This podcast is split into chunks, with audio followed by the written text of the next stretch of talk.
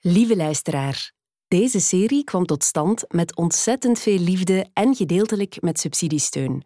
Je kan onze podcasts nog steeds gratis beluisteren, maar ze maken kost veel tijd en geld.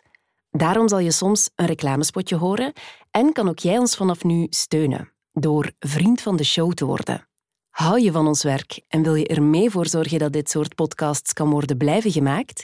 Ga dan naar www.vriendvandeshow.nl slash de-erfenis en word vriend al vanaf 2,5 euro per maand. Of doneer eenmalig, wat je zelf wil.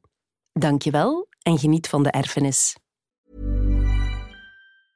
Hiring for your small business? If you're not looking for professionals on LinkedIn, you're looking in the wrong place. That's like looking for your car keys in a fish tank.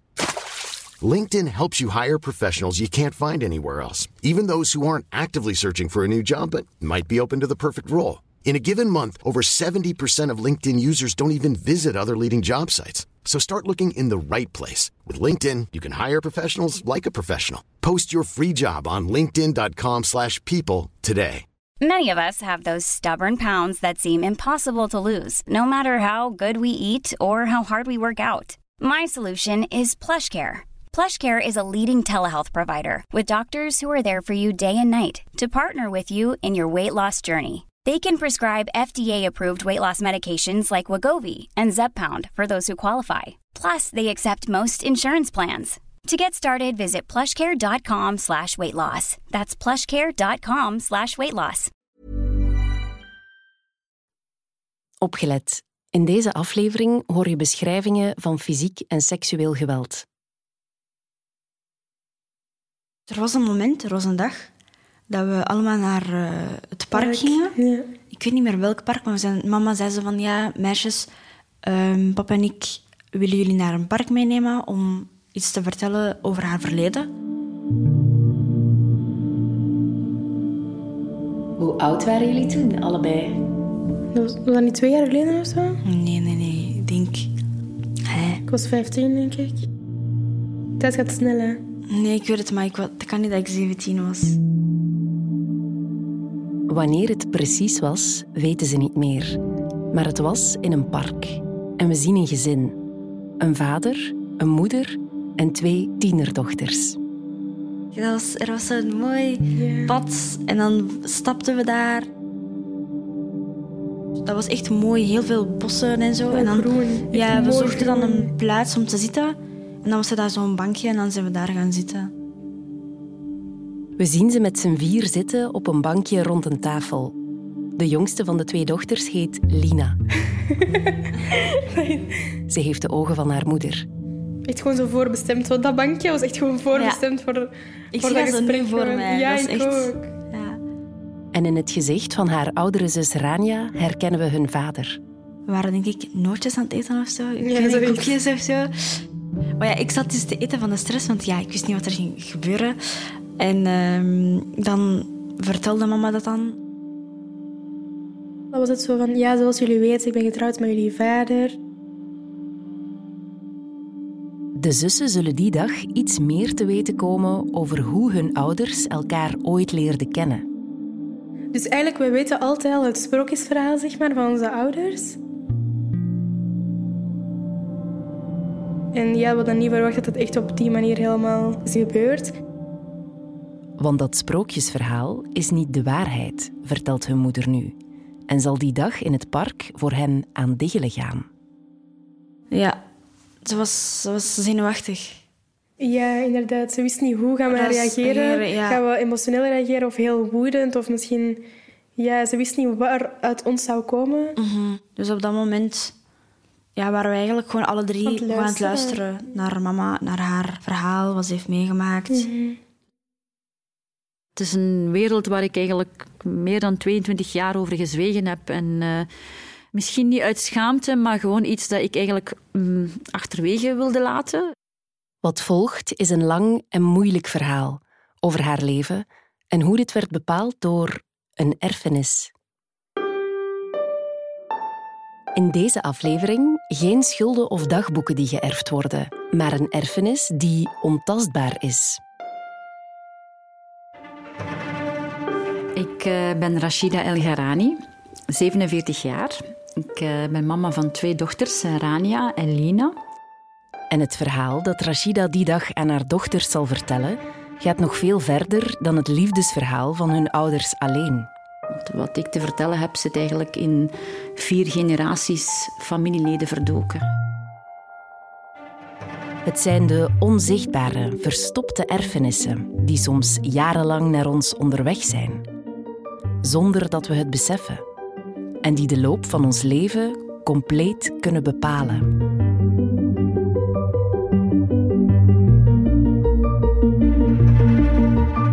Dit is aflevering 4 van De Erfenis. Van audiocollectief Schik ben ik Nele en dit is het verhaal van Rashida El Garani.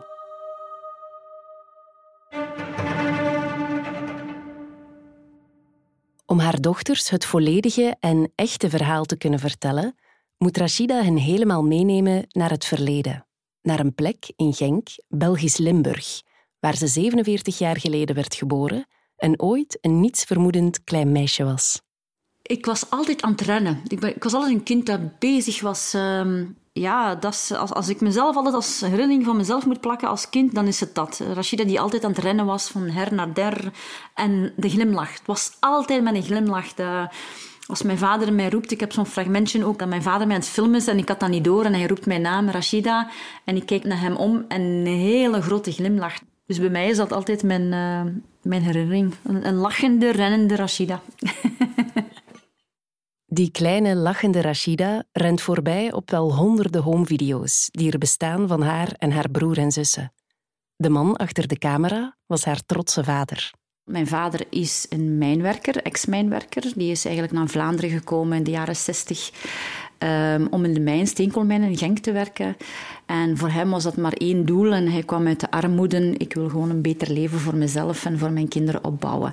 Hij had nooit de intentie om in Vlaanderen te blijven, want zijn droom was altijd goed geld verdienen en terugkeren naar Marokko, een mooi huis bouwen en terugkeren naar mijn vaderland. Maar dat is zoveel jaren later uh, helemaal anders uitgedraaid. Acht kinderen later, want mijn vader heeft uh, zeven dochters en één zoon op de wereld gezet, waarvan ik het oudste kind ben. En als oudste kind ja, deed ik alles met hem. Ik herinner me nog heel goed dat mijn vader mij altijd op zijn schouders zette. En ik de indruk had dat ik heel de wereld kon zien op mijn vader zijn schouders. Dus ik heb eigenlijk heel mooie jeugdherinneringen. Rashida was een ondernemend en verstandig kind dat tijdens het schooljaar hard werkte en goede resultaten haalde. En in de zomer beleefde ze magische tijden. Om het jaar laadde haar vader zijn hele gezin in de auto en trok met hen naar het land waar hij geboren was. In juli en augustus was twee maanden naar Marokko gaan. Twee maanden geweldige vakantie. En als kind, Marokko was voor mij goh, een prachtig land, een openbaring. En dan had ik ook nog familie daar, dus als zoiets van wauw, dat is iets dat, dat, dat echt als kind heel bijzonder was. Het is in Marokko dat Rashida ontdekt hoe anders het land, de zee en de lucht zijn, daar waar haar vader opgroeide. Zo anders dan waar zij geboren werd. Ik leerde liedjes, ik leerde taal, ik leerde woorden, ik leerde allerlei dingen. Er zijn zoveel zintuigen die geprikkeld worden. Dat, van dingen die je eet, tot dingen die je aandoet qua kledij, tot zelfs je servies waarmee je eet. Dat was constant anders dan wat wij hier in Vlaanderen hadden. Dat is Als Rashida vertelt over haar vakanties in Marokko, zie je als vanzelf de homevideo's die haar vader ervan maakte. Familieleden die elkaar omhelzen. Ze feesten, eten, dansen. Overal lachende, rondrennende kinderen. Prachtige landschappen met een horizon die trilt van de hitte. Mijn vader hield van kamperen, dus we hadden altijd een tent we gingen wekenlang aan het strand in Agadir of in Tagazout aan zee. En daar waren wij heerlijk aan het kamperen met kampvuren en muziek. En je komt daar andere Marokkanen tegen die van Frankrijk kwamen en Nederland of Marokkanen zelf van Marokko ook. En dat vormt zo'n fijne, hechte groep. En dat waren voor mij ook momenten waar ik echt vrijheid kende. En er was voor de jonge Rashida nog iets in Marokko dat de reis zo magisch voor haar maakte. Hamid, heb mijn eerste herinneringen van Hamid, dat is wel vijf jaar oud zijn. En de eerste keer dat ik gevoelens voor had, dat was, dat was toen we acht jaar oud waren. Als we twee maanden lang in Marokko waren, Hamid was kind aan huis. Hij was constant binnen en buiten. En zijn vader kwam en zijn moeder. En dan komt Hamid en dan begonnen mijn ogen te glinsteren van Hamid is daar. En dan gingen we spelen. Die had altijd zo'n BMX-fietsje of een skateboard. En dan waren we altijd samen aan het spelen. En er wordt ook altijd zo bewust gezegd van... Ja, als jullie groot zijn, jullie gaan met elkaar belanden. Jullie gaan met elkaar trouwen. Dat kleine BMX'je van Hamid wordt een scooter, waar de puberende Rashida achterop klimt. Ze worden twee verliefde tieners die door de straten van Taroudant cruisen. Hele zomers lang.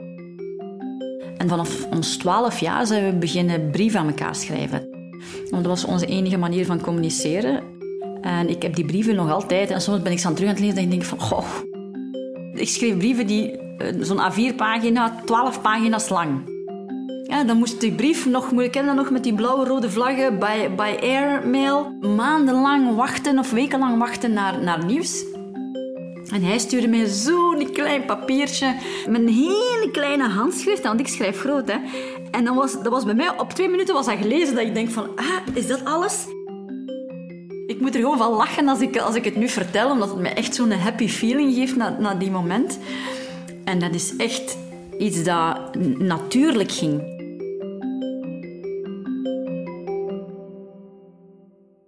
En dan, ergens rond haar zestiende verjaardag, lijkt de lucht om Rashida heen te veranderen. Um, voor mij waar het um, zwaar veranderd is en waar eigenlijk heel veel kapot gegaan is, is het moment dat ik 16 jaar uh, werd. Rashida kan er haar vinger niet precies opleggen. Maar het is zoals het zachtjes daveren van de grond wanneer een trein in aantocht is. En ze weet het nog niet, maar terwijl zij al die tijd brieven schreef met Hamid en droomde over welke studierichting ze wil gaan volgen, is dat precies wat er aan het gebeuren is. Er komt een denderende trein op haar af. En zij staat zonder het te beseffen midden op de sporen. En als 16-jarige had ik helemaal niet de indruk dat mij iets uh, ernstigs stond te wachten waar ik helemaal geen controle over had.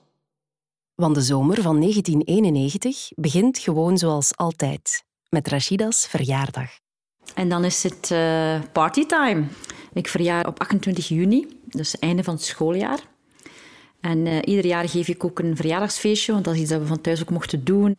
En ik herinner me nog dat ik voor mijn 16e verjaardag thuis gevraagd heb: ik wil graag een stereokate. Hè, want dat is de tijd nog van de cassettes. En dan eh, komen al mijn vriendinnen, we dansen, we zingen, we springen, cadeautjes worden opengedaan. En wat krijg ik natuurlijk van mijn mama en mijn papa? Dat is die grijze stereoketen. En dat was voor mij een openbaring. Ik denk van yes, nu kan ik mijn muziek gaan luisteren. Ik had ook nieuwe cassettes gekocht uh, om mee te nemen op vakantie. Telkens wanneer haar verjaardag de zomer had ingeluid, begon de familie van Rashida de koffers te pakken voor een grote reis naar Marokko. Maar dit jaar krijgen ze een dag voor ze vertrekken onverwacht bezoek. Er kwam iemand op bezoek bij mijn vader en dat was de imam van de wijk. En ik herinner me nog dat het de laatste schooldag was. Ik heb mijn rapport gekregen en ik kom binnen en ik zag die man daar zitten met mijn vader, maar die waren zo heel rustig aan het praten. En het eerste wat ik me afvroeg, wat doet die man hier? Want de imam komt heel zelden op bezoek. Um, dat vond ik raar, ik vond dat vreemd. En ik ging gewoon naar de keuken. Mijn moeder zat dan in de keuken eh, frietjes te bakken. Het was woensdag, dat weet ik nog, want woensdag is bij ons frietjesdag. En dan pak ik zo'n paar frietjes en ik zeg zo heel nieuwsgierig tegen mijn mama: Wat komt de imam hier doen? En mijn moeder zei van, ah, ik weet het niet. Hij komt uh, jouw vader iets vragen, ik weet niet. Uh... Nog voor we naar Marokko vertrekken, want we gingen de volgende dag vertrekken naar Marokko. Um, dus er is een, een, een, gesprek tussen mijn vader en het afscheid wordt genomen. Dat was heel intens. En mijn vader uh, gaf hem zo'n dikke knuffel met, met zo'n klopje op zijn, op zijn rug. Zo van, uh, tot in Marokko zien we elkaar. En ik dacht van, ja, oké, is goed. Mijn vader komt dan naar mij toe en die is heel vrolijk en al. En ik zei tegen papa, wat, wat, is er aan de hand? Wat komt hij hier doen? En hij zei van, ah nee, we komt gewoon even iets met mij bespreken. Maar in Marokko gaan we nog verder uitpraten. Niks van bewust, wij gaan eh, naar Marokko, drie dagen intense reis uh, doorheen Europa naar Marokko. En dan waren we net gesetteld en een week later komt de imam met zijn zoon op bezoek bij mijn vader. Mijn moeder vroeg mij, wilde jij alsjeblieft een plateau thee en koekjes naar boven brengen? Want ons salon was dan naar boven. En dan vroeg mijn vader, kom erbij zitten. En ik ga daar zitten. Mijn vader vertelde mij dat de imam in Genk mijn hand is komen vragen ten huwelijk bij mijn vader. En dat nu de imam op bezoek is met zijn zoon om de zoon aan mij voor te stellen. En dat wordt dus jouw toekomstige man, had mijn vader mij gezegd. Ik kon mijn oren niet geloven. Ik durf die man bijna niet meer aankijken, want ik herinner nog dat, hij in, dat ik hem profiel zo kon zien. Ik was in shock. Zei tegen mijn vader direct: Nee, ik ken die man niet. Ik wil helemaal niet met die man gaan verloven. En ik wil later met Hamid trouwen.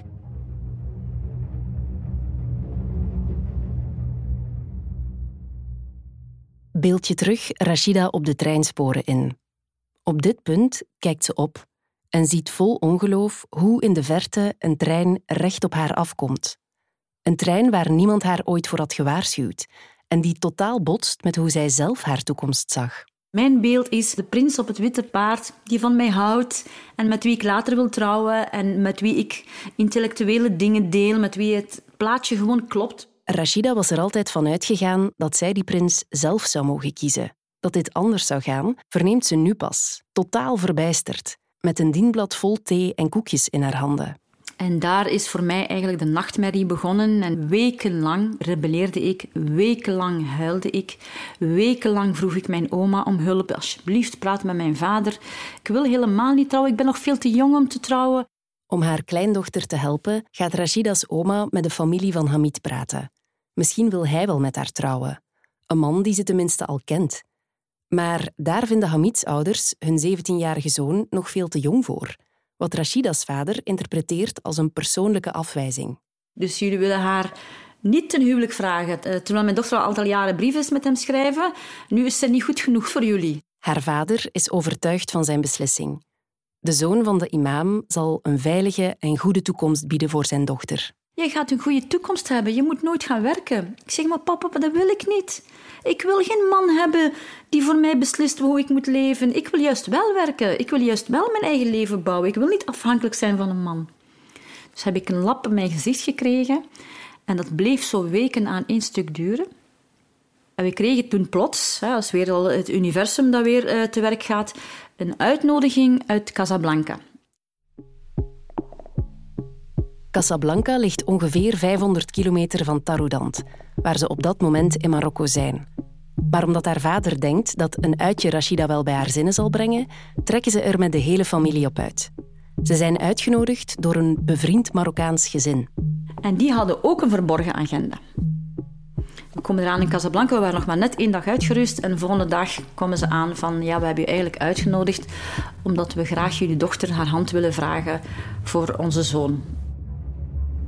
En ik wist niet waar ik belandde. Wat is dit voor een wereldje? Ik, wil, ik wilde als iemand mij op dat moment kon wegpakken en hier terug naar België komen zetten. Oh, graag. Een Superman, dat maakt mij niet uit. Haal mij alsjeblieft weg uit deze situatie.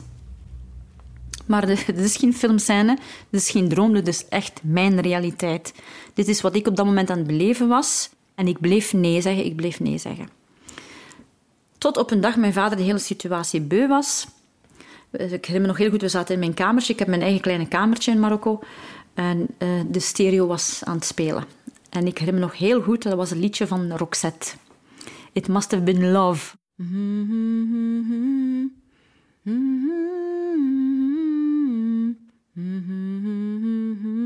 En iedere keer als ik die, dat liedje opzet, barstte ik in tranen uit. Want dat liedje gaat natuurlijk over liefde en over liefde dat kapot gegaan is. Ik zag dat als de liefde tussen mij en Hamid die kapot gegaan is omdat ik hier gedwongen word om een keuze te maken. En omdat mijn vader uh, constant aan het roepen en tier was, ik luisterde gewoon niet naar hem. Ik was zo gefocust op dat liedje van Roxette. En het enige wat ik zag is een man die kwaad wordt en zijn gezicht helemaal op ontploffen stond. Hij wist dat ik zijn aandacht niet had. Hij pakte die stereoketen en die gooide die de grond neer. En die stereoketen ging in duizend stukken op de vloer. Nee! Ik viel op de grond neer. Ik raakte mijn radio aan, die nog deels aan het spelen was. En mijn vader was er nog met, op aan het stampen en alles. Hij zei: Ik ben het beu je gaat vandaag een keuze moeten maken. Het wordt de zoon van de imam of de zoon uit Casablanca. Eén van hun twee moet je kiezen. Of ik pak je paspoort af en ik laat je in Marokko achter bij je oma in armoede. En die vloog de deur uit. Maar mijn moeder kwam heel rap naar binnen. En ik zat daar op mijn knie op de grond. Ik keek naar die stereoketen. En mijn moeder knielde zich bij me neer en ze hield mij vast en zei: Maar Rashida, Rashida, je moet nu een keuze maken. Je moet nu echt een keuze maken, want je vader die gaat je achterlaten. En die meent dat, hè? Die meent dat echt, hè? Je weet dat hij dat meent, hè? En ik zei tegen mijn moeder: Nee, ik wil geen keuze maken. Ik wil helemaal geen keuze maken. Um, mijn moeder zei nog op het einde: Zeg gewoon ja. Kies gewoon één van hun en in België zien we wel wat we gaan doen. Zeg gewoon ja, maak gewoon je vader blij, zeg gewoon ja, we zien wel. En dan twee dagen later heb ik gekozen voor de man uit Casablanca. Het ene moment viert ze nog haar zestiende verjaardag. Het volgende moet ze een blinde keuze maken voor de man met wie ze moet trouwen. Het lijkt allemaal zo uit het niets te komen. Al is er iets wat Rashida's moeder op dat moment niet vertelt. Want jaren later pas zal Rashida erachter komen dat haar eigen moeder ook precies 16 jaar was toen haar vader een huwelijkspartner voor haar koos. Maar dat huwelijk heeft niet lang stand gehouden. Ik denk iets van een drie, vier maanden. Ze werd ook mishandeld. Ze werd ook fysiek geslagen. Dus ze heeft een hele, hele mm, traumatische en emotionele weg afgelegd. Het was een kortstondig, gewelddadig huwelijk waaruit ze wist te ontsnappen. Pas later trouwde ze vrijwillig met Rashida's vader. Rashida zal al lang volwassen zijn wanneer ze ontdekt dat die trein op haar zestiende dus helemaal niet uit het niets kwam. En dat hij niet alleen door het leven van haar moeder was gereden, maar ook door dat van haar grootmoeder en dienstmoeder. En zo kunnen we het spoor terugvolgen, tot zeker vier generaties, dwars door de levens van de moeders van de moeders van de moeders. Het spoor van een trein die ooit ergens lang geleden vertrokken was en al die tijd ook naar Rashida onderweg was. Ik pas niet in dit leefwereldje waar een man gewoon de hand komt vragen van een vrouw en ik maar gewoon ja moet aanvaarden om zijn toekomstige te worden. Dat is niet mijn beeld. Maar met dat beeld houdt deze trein geen rekening.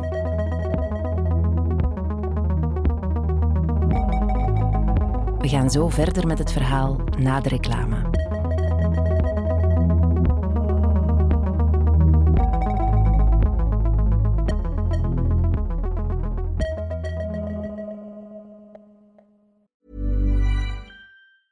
In the market for investment worthy bags, watches, and fine jewelry, Rebag is the answer. Rebag is a luxury resale platform where each piece is carefully inspected by experts to ensure quality and authenticity. Use Rebag to buy and sell finds from the world's top brands, including Louis Vuitton, Chanel, and Cartier. Head to Rebag.com to get 5% off your first purchase with code REBAGNEW. Shop today at Rebag.com. That's R E B A G.com. And use promo code REBAGNEW for 5% off your first purchase. I'm Sandra, and I'm just the professional your small business was looking for. But you didn't hire me because you didn't use LinkedIn jobs. LinkedIn has professionals you can't find anywhere else, including those who aren't actively looking for a new job but might be open to the perfect role, like me. In a given month, over 70% of LinkedIn users don't visit other leading job sites. So if you're not looking on LinkedIn, you'll miss out on great candidates like Sandra. Start hiring professionals like a professional. Post your free job on linkedin.com/people today. Niet elk huwelijk begint met een cupido-schot in de bil. Dat een derde partij, zoals de ouders, voor hun kinderen beslissen wie een potentiële huwelijkskandidaat is, is in veel culturen deel van de traditie. Als een van de laatste dingen die je als ouder voor je kind regelt en in orde brengt. Een geschikte partner waar ze hun volwassen leven mee door zullen brengen. In dit beeld van een huwelijk komt eerst de ring en kan de liefde later ontstaan. Heel anders dan dat een verliefdheid de reden is om voor iemand te kiezen. Niet elk gearrangeerd huwelijk is een huwelijk onder dwang. Niet als de huwelijkskandidaten akkoord gaan met de keuze van hun ouders en niet onder druk worden gezet. Maar hoe jonger de verloofde, hoe vager de grens. Tegenwoordig komen jaarlijks wereldwijd 12 miljoen meisjes in een dwanghuwelijk terecht. En in 1991 is dat precies wat Rashida aan het overkomen is. De zomer naderde, het einde naderde. Uh, de laatste week van augustus rijden we terug naar Casablanca. In Casablanca ontmoet Rashida haar verloofde. De huwelijkskandidaat die ze gekozen heeft boven de zoon van de imam, zodat ze toch zeker niet in diens streng religieuze familie zou terechtkomen. Op meer dan dat is de keuze voor haar echtgenoot niet gebaseerd. En ik keerde terug naar België als jonge, 16-jarige verloofde vrouw. En heel die route terug naar België was vol tranen, vol kribbels in mijn dagboek wat ik naar Hamid wilde schrijven om gewoon uit deze situatie te komen, om hem uit te leggen dat het tijdelijk is. In België ga ik zien wat ik ga doen, ik ga misschien weglopen. Ik was van alles, ik was van alles in mijn hoofd aan het plannen, maar diep ergens in mij had ik nog altijd de hoop van ik raak hier nog wel uit. Dit gaat nog wel, dit gaat nog wel goed komen. Rashida denkt aan de belofte van haar moeder. Eens we in België zijn, zien we wel weer. Dan bedenken we wel iets. Omdat Rashida nog maar 16 is en dus minderjarig, kan ze in België nog zeker twee jaar niet voor de wet trouwen. En aan die twee jaar klampt ze zich mentaal vast. Dat is wat ik dacht dat mij ging beschermen. Zolang ik nog geen 18 ben, zijn er mogelijke manieren om hieruit te geraken. Twee jaar heeft ze om een oplossing te bedenken. Ik had zelfs in mijn gedachten, ik ga van huis weglopen. Dus noods loop ik weg om gewoon mezelf te redden. Ze blijft proberen haar vader en moeder om te praten, terwijl ze Hamid wanhopige brieven schrijft. Maar sinds de verloving krijgt ze maar geen antwoord. Via een lerares gaat Rashida zelfs met de politie praten, waar ze te horen krijgt dat zij de eerste stap moet zetten. Als jij wilt dat we actie gaan ondernemen, dan kunnen we dat gaan doen. Het ligt aan jou, jij moet die beslissing maken. Maar ik zat zo diep met angsten. Wat gaat mijn vader zeggen? Wat gaat mijn vader doen? En ik ga het heel even voordoen. Als jij eraan denkt om weg te lopen, dan maak ik je af. En deed hij dan altijd. Natuurlijk zijn er wel meisjes, ik heb verhalen van meisjes gehoord die wel vertrokken zijn, die wel het lef hebben gehad om, om weg te lopen. Maar die hebben daar een dure prijs voor betaald. Wat gebeurt er dan? Waar kom je terecht? Gaat mijn leven echt wel beter gaan worden? En vaak hoorde ik dan verhalen achteraf ehm, dat je in sociale opvangen terechtkomt. Er is niet onmiddellijk plaats voor u. Je komt in pleeggezinnen terecht. Daar heb ik allemaal over nagedacht en over zitten zoeken van hoe zit dat in elkaar? En... Uh,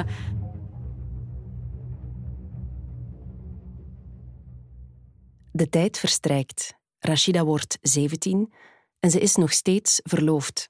Haar verloofde woont op dat moment nog steeds in Casablanca, waar hij wacht op Rashida's 18e verjaardag. Dan zal hij naar België komen om met haar te trouwen. Ondertussen houdt Rashida hem geen illusies voor. Hij schreef mij brieven, ik schreef hem ook brieven terug. Van kijk, ik, ik hou niet van jou, ik zie mezelf geen toekomst met jou. En, en hij schreef van, jawel, ik ben een goede man, je moet mij gewoon een kans geven en ik wil jou helpen aan jouw dromen en dit en dat.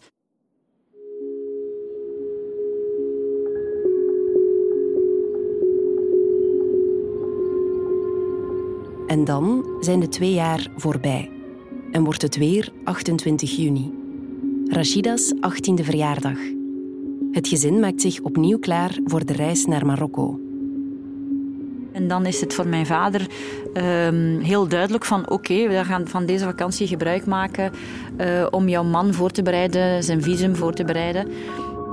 Onze vakantie, die periode, was eigenlijk gewoon de administratie gaan regelen. In het busje van haar vader, waarmee ze door Marokko van hot naar her rijden, zit Rashida naast de man aan wie ze beloofd is. Dus hij zat mee in mijn vaders camionetje mee naar het zuiden te rijden. En dan vroeg je je af van oké, hoe ga ik mijn vakantie beleven met, uh, met deze gast, waar ik niks van over weet. Hobbelend van de ene ambassade naar de andere, denkt ze terug aan de vrije zomers van Campera aan zee, die nu zo ver weg lijken aan spelen met Hamid als kind, zijn BMX-fietsje van toen. De stapels aan liefdesbrieven die hij van haar moet hebben, hier ergens in dit land. Waarom heeft hij haar niet teruggeschreven? Het is de eerste keer dat ze in Marokko is zonder hem te zien.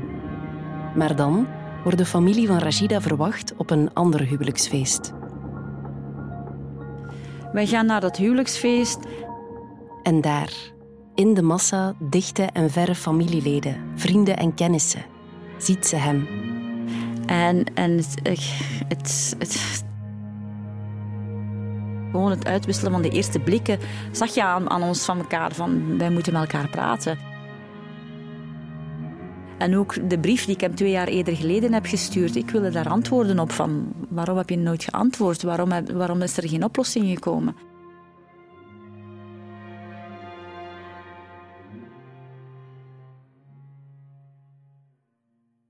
Al die tijd was Rashida gaan geloven wat haar familie haar vertelde. Dat de familie van Hamid haar niet goed genoeg vond. Toen hebben ze u niet gewild, nu hebben ze u niet gewild. Dat Hamid haar niet wilde. Ja, maar die, die wil jou niet, vergeet hem. Dus ze heeft duizend vragen die ze Hamid wil stellen. Maar in de schaarse momenten dat haar verloofde niet aan haar zijde kleeft, cirkelen haar tantes om haar heen, op vraag van haar moeder. Haar opdracht was: zorg dat Rashida niet in de buurt komt van Hamid. Heel even, heel kort, lukt het hen toch. Het was eigenlijk daar dat ik ontdekte dat uh, wij elkaar brief hebben geschreven en verstuurd. Maar die zijn nooit aangekomen omdat mijn vader natuurlijk altijd de post kreeg. En wanneer er post van Marokko kwam, en zeker al van een man die hij niks mee wil te maken hebben, werd die brief gewoon uh, verscheurd of, of uh, ja, weg, weggegooid. In het gewoel van het feest is dat het enige wat Rashida en Hamid van elkaar te weten kunnen komen. Dan wordt Rashida onmiddellijk weer weggerukt en de dansvloer opgeduwd. Ja, dat was een gegeven moment dat het hele feestgebeuren was. En dan moesten we dansen en mijn verloofde wilde dansen. En dat was een moment dat heel de familie zo aan het praten was van... Dit is toch geen gedwongen huwelijk. Ziet haar dansen met haar verloofde. Dat is toch... Je ziet toch dat, die van, dat, dat ze van hem houdt en dergelijke. Maar ik zat daar gewoon onder dwang te dansen omdat mijn verloofde wilde dansen. En ik wilde helemaal niet. En mijn moeder was dat er heel, heel trots te klappen en dat heel de familie kon zien van dat is de verloofde van mijn dochter en de volgende trouw gaat waarschijnlijk bij ons zijn. Dus ik kon die gedachte zo in haar, in haar hoofd zien, in haar blik. En eh, ik, ik zocht naar de blikken van Hamid. Ik weet niet waar Hamid op dat moment was, maar ik vond hem niet. En terwijl zij gekluisterd zit aan haar verloofde, verdwijnt Hamid in de massa en uit haar zicht. Hij ging ervan uit, oké, ze heeft haar keuze gemaakt. Uh, uh, laat dat zo zijn. Dat is ook wat zijn ouders ook hem ingepraat hebben. En ik zocht gewoon alles, alle mogelijke oplossingen om gewoon te kunnen praten met Hamid, maar het heeft nooit, nooit gelukt. Nooit.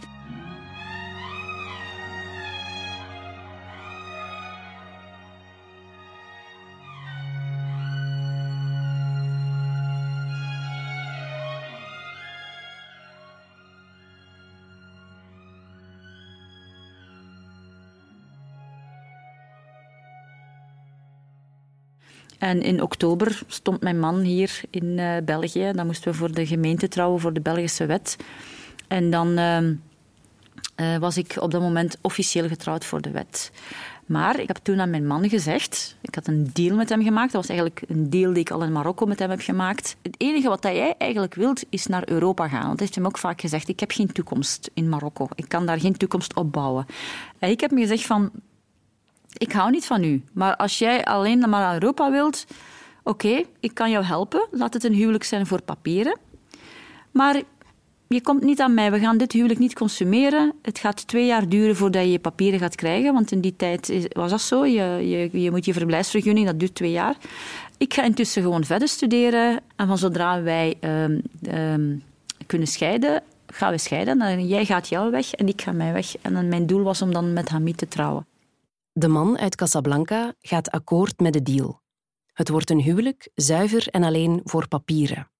Maar de wet zegt ook, als je getrouwd bent, moet jullie samenwonen. De deal komt dus met een prijs. Een getrouwd koppel heeft in België een gezamenlijk adres nodig. Zo wordt er snel een appartement gehuurd. Maar ik woonde niet in met hem, ik was nog thuis bij mijn vader. Pas als ze het grote Marokkaanse huwelijksfeest hebben gevierd, zal ook de bruid in de woonst trekken bij haar man. Um, dan kwam het probleem, ja, hoe gaan we die huur gaan betalen? Want die man werkt niet, want hij moest nog Nederlands volgen. Hij moet de eerste taal leren, moet een opleiding gaan volgen. In afwachting zit het gezin dus zonder kostwinner. Nee, die zijn voor de wet getrouwd. Zijn vrouw is studenten, hij is werkloos. Ja, zijn vrouw moet stoppen met studeren en voor inkomsten zorgen. En dat is de enige manier dat ze hulp, eh, huur kunnen betalen. Rashida was vol motivatie verpleegkunde beginnen studeren. Volgens hun deal zou zij in haar tweede jaar zitten wanneer hij zijn verblijfsvergunning zou krijgen. En dan zouden ze scheiden. Maar om die deal te kunnen laten doorgaan, moet ze nu de afweging maken om haar studies voorlopig op te offeren. Heb ik dat gedaan met pijn in mijn hart. In februari, eh, midden in mijn tweede semester, gestopt met verpleegkunde. Ik dacht van het is maar tijdelijk, ik ga teruggaan. En zo gaat Rashida werken om de huur te betalen van een huis waar ze niet woont voor een man die ze niet wil.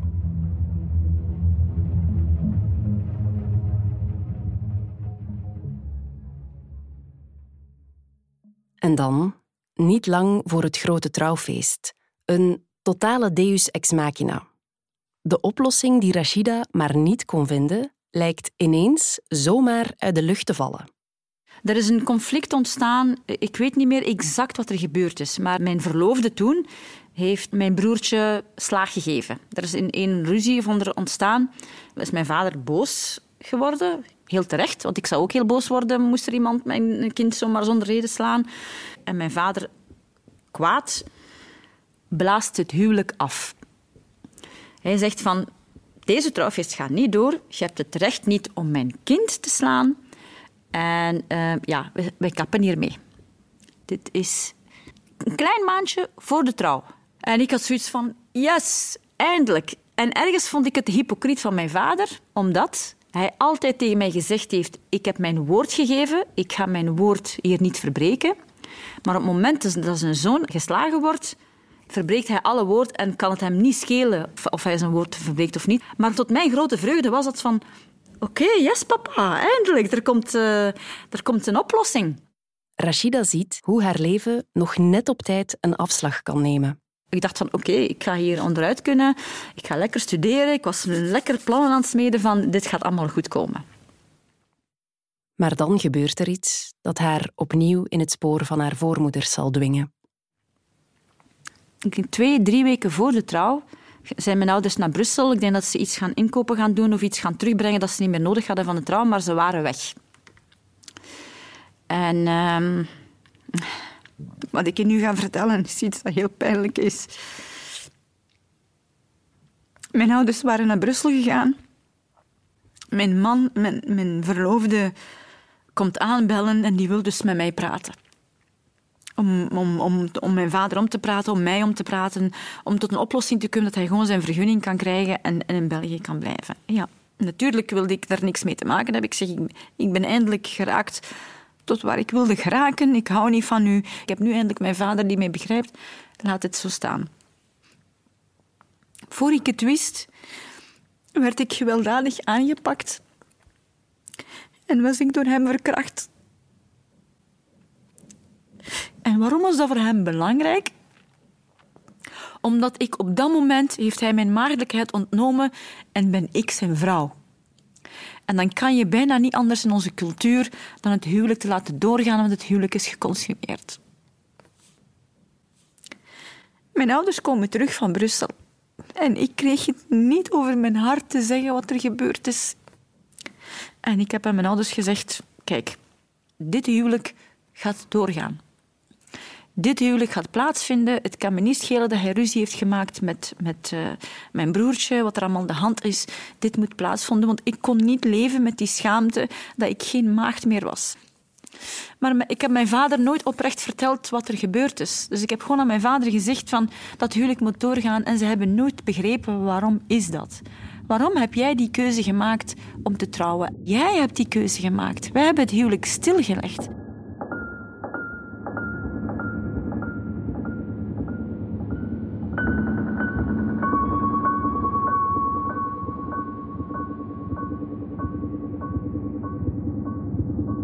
Voor haar ouders maakt Rashida een onbegrijpelijke keuze. Van de verscheurende positie waarin hun dochter zich bevindt, weten ze niets. Want door haar doelbewust te ontmaagden, maakt haar verloofde het voor haar onmogelijk om het huwelijk te verbreken zonder de eer van haar familie te schaden. Schaamte en schuldgevoelens verlammen haar volledig. En zo slaagt de man uit Casablanca in zijn opzet om het huwelijk te laten doorgaan en zijn verblijfsvergunning te krijgen. Hij forceert zijn kant van de deal en zet Rashida schaakmat met een verpletterend geheim. Ik, mijn uh, huwelijksfeest, uh, raar maar waar, uh, vond plaats op vrijdag de 13e.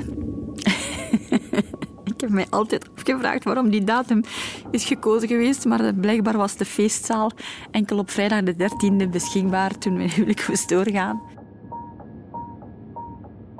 Mijn ouders hebben heel veel geld uitgegeven aan dat huwelijk. Alle pracht en praal wat erbij hoort bij een Marokkaans huwelijk. Het was zeven dagen feest.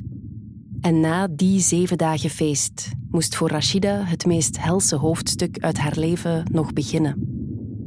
Er was altijd geweld binnen ons huwelijk. Altijd, altijd. Seksueel geweld, eh, fysiek geweld, emotioneel geweld, altijd. In de jaren die volgen wordt Rashida herhaaldelijk geslagen, verkracht en mishandeld. Haar herinneringen hieraan zijn gruwelijk scherp. Ik herinner me dat ik een uh, rood kleedje aan had met de bloemetjes. Het was een zonnige dag, het was een stralende dag. En ik voelde mij gelukkig. Ze weet nog precies hoe zo'n doodnormale situatie zomaar kon escaleren. En voor ik het wist, kreeg ik een, een slag in mijn gezicht.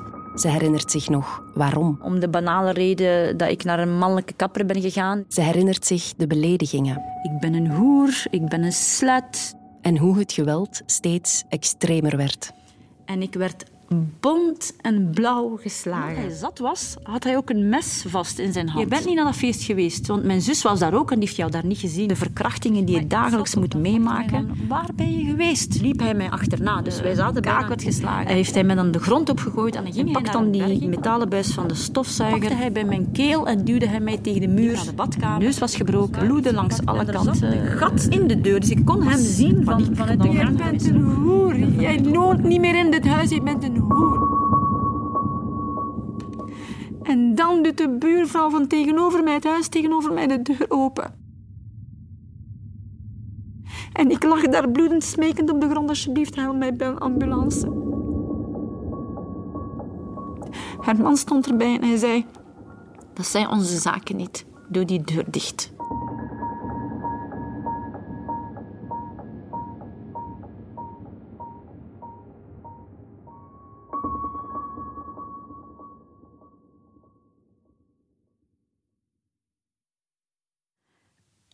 Het was moeilijk om op te nemen, want je bent zo van... Dat is jouw moeder die dat heeft meegemaakt. Mhm. En al die jaren heb je daar... Je wist daar niks van. En dan in één keer, boom, dan komt dat in je gezicht. Zo van, wow, mama heeft dat meegemaakt. Dat is... Op dat moment, je neemt dat niet echt in. Nee, het, is pas later, later dat je dat echt opneemt. En dan ben je zo van... Mhm. Wow, mama heeft dat meegemaakt. Mhm. Of en ik merkte ook de manier hoe dat ze het vertelde, dat ze er echt uit moest, omdat het zoveel... Ze wist ook niet waar ze aan moest beginnen. Dus alles kwam zo tegelijk en ze wist niet hoe dat ze het chronologisch moest vertellen. Ja. En zo, ah ja, en daarvoor ook nog. Ah ja, en twee jaar daarvoor. Dus alles was zo helemaal... Maar dat is normaal, omdat ze gewoon niet weet hoe dat ze ermee moet omgaan. We zijn terug op die mooie dag in het park, wanneer ze met het hele gezin tussen de bomen zitten. Op de picknicktafel tussen hen in ligt nu dit hele hoofdstuk uit Rashida's leven, dat haar dochters nog niet kenden. Het was intens. Het was ook intiem natuurlijk, want ja, je zit daar als gezin. En, en jullie vader, hoe zat hij erbij? Ja, op zich was hij gewoon stil, denk ik. Ja.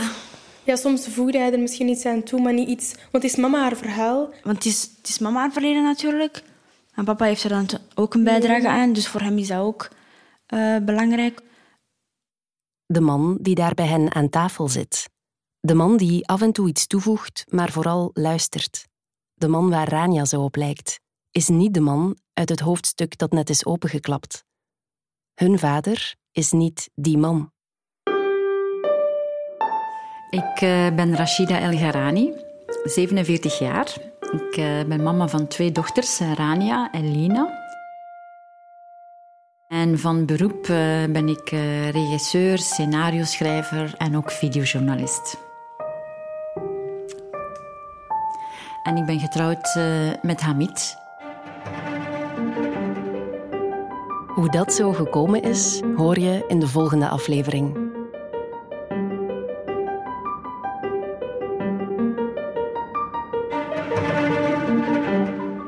Hallo Merk. Hey Neil. Het volgende deel van Rashida's verhaal ga jij vertellen? Ja, dat klopt. Ik neem het over en in de volgende aflevering horen we niet alleen hoe Rashida en Hamid elkaar terugvonden, maar ook hoe de erfenis haar alsnog bleef achtervolgen. In geen enkel moment heb ik gedacht dat ik ging duiken in iets dat eigenlijk veel dieper zat dan mezelf.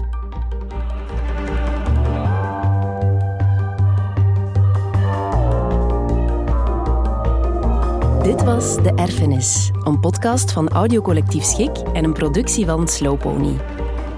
Deze serie kwam tot stand met de steun van het Vlaams Audiovisueel Fonds van de Vlaamse Overheid, het Letterenfonds, het Prins Bernhard Cultuurfonds, het Amsterdams Fonds voor de Kunsten en Stad Antwerpen.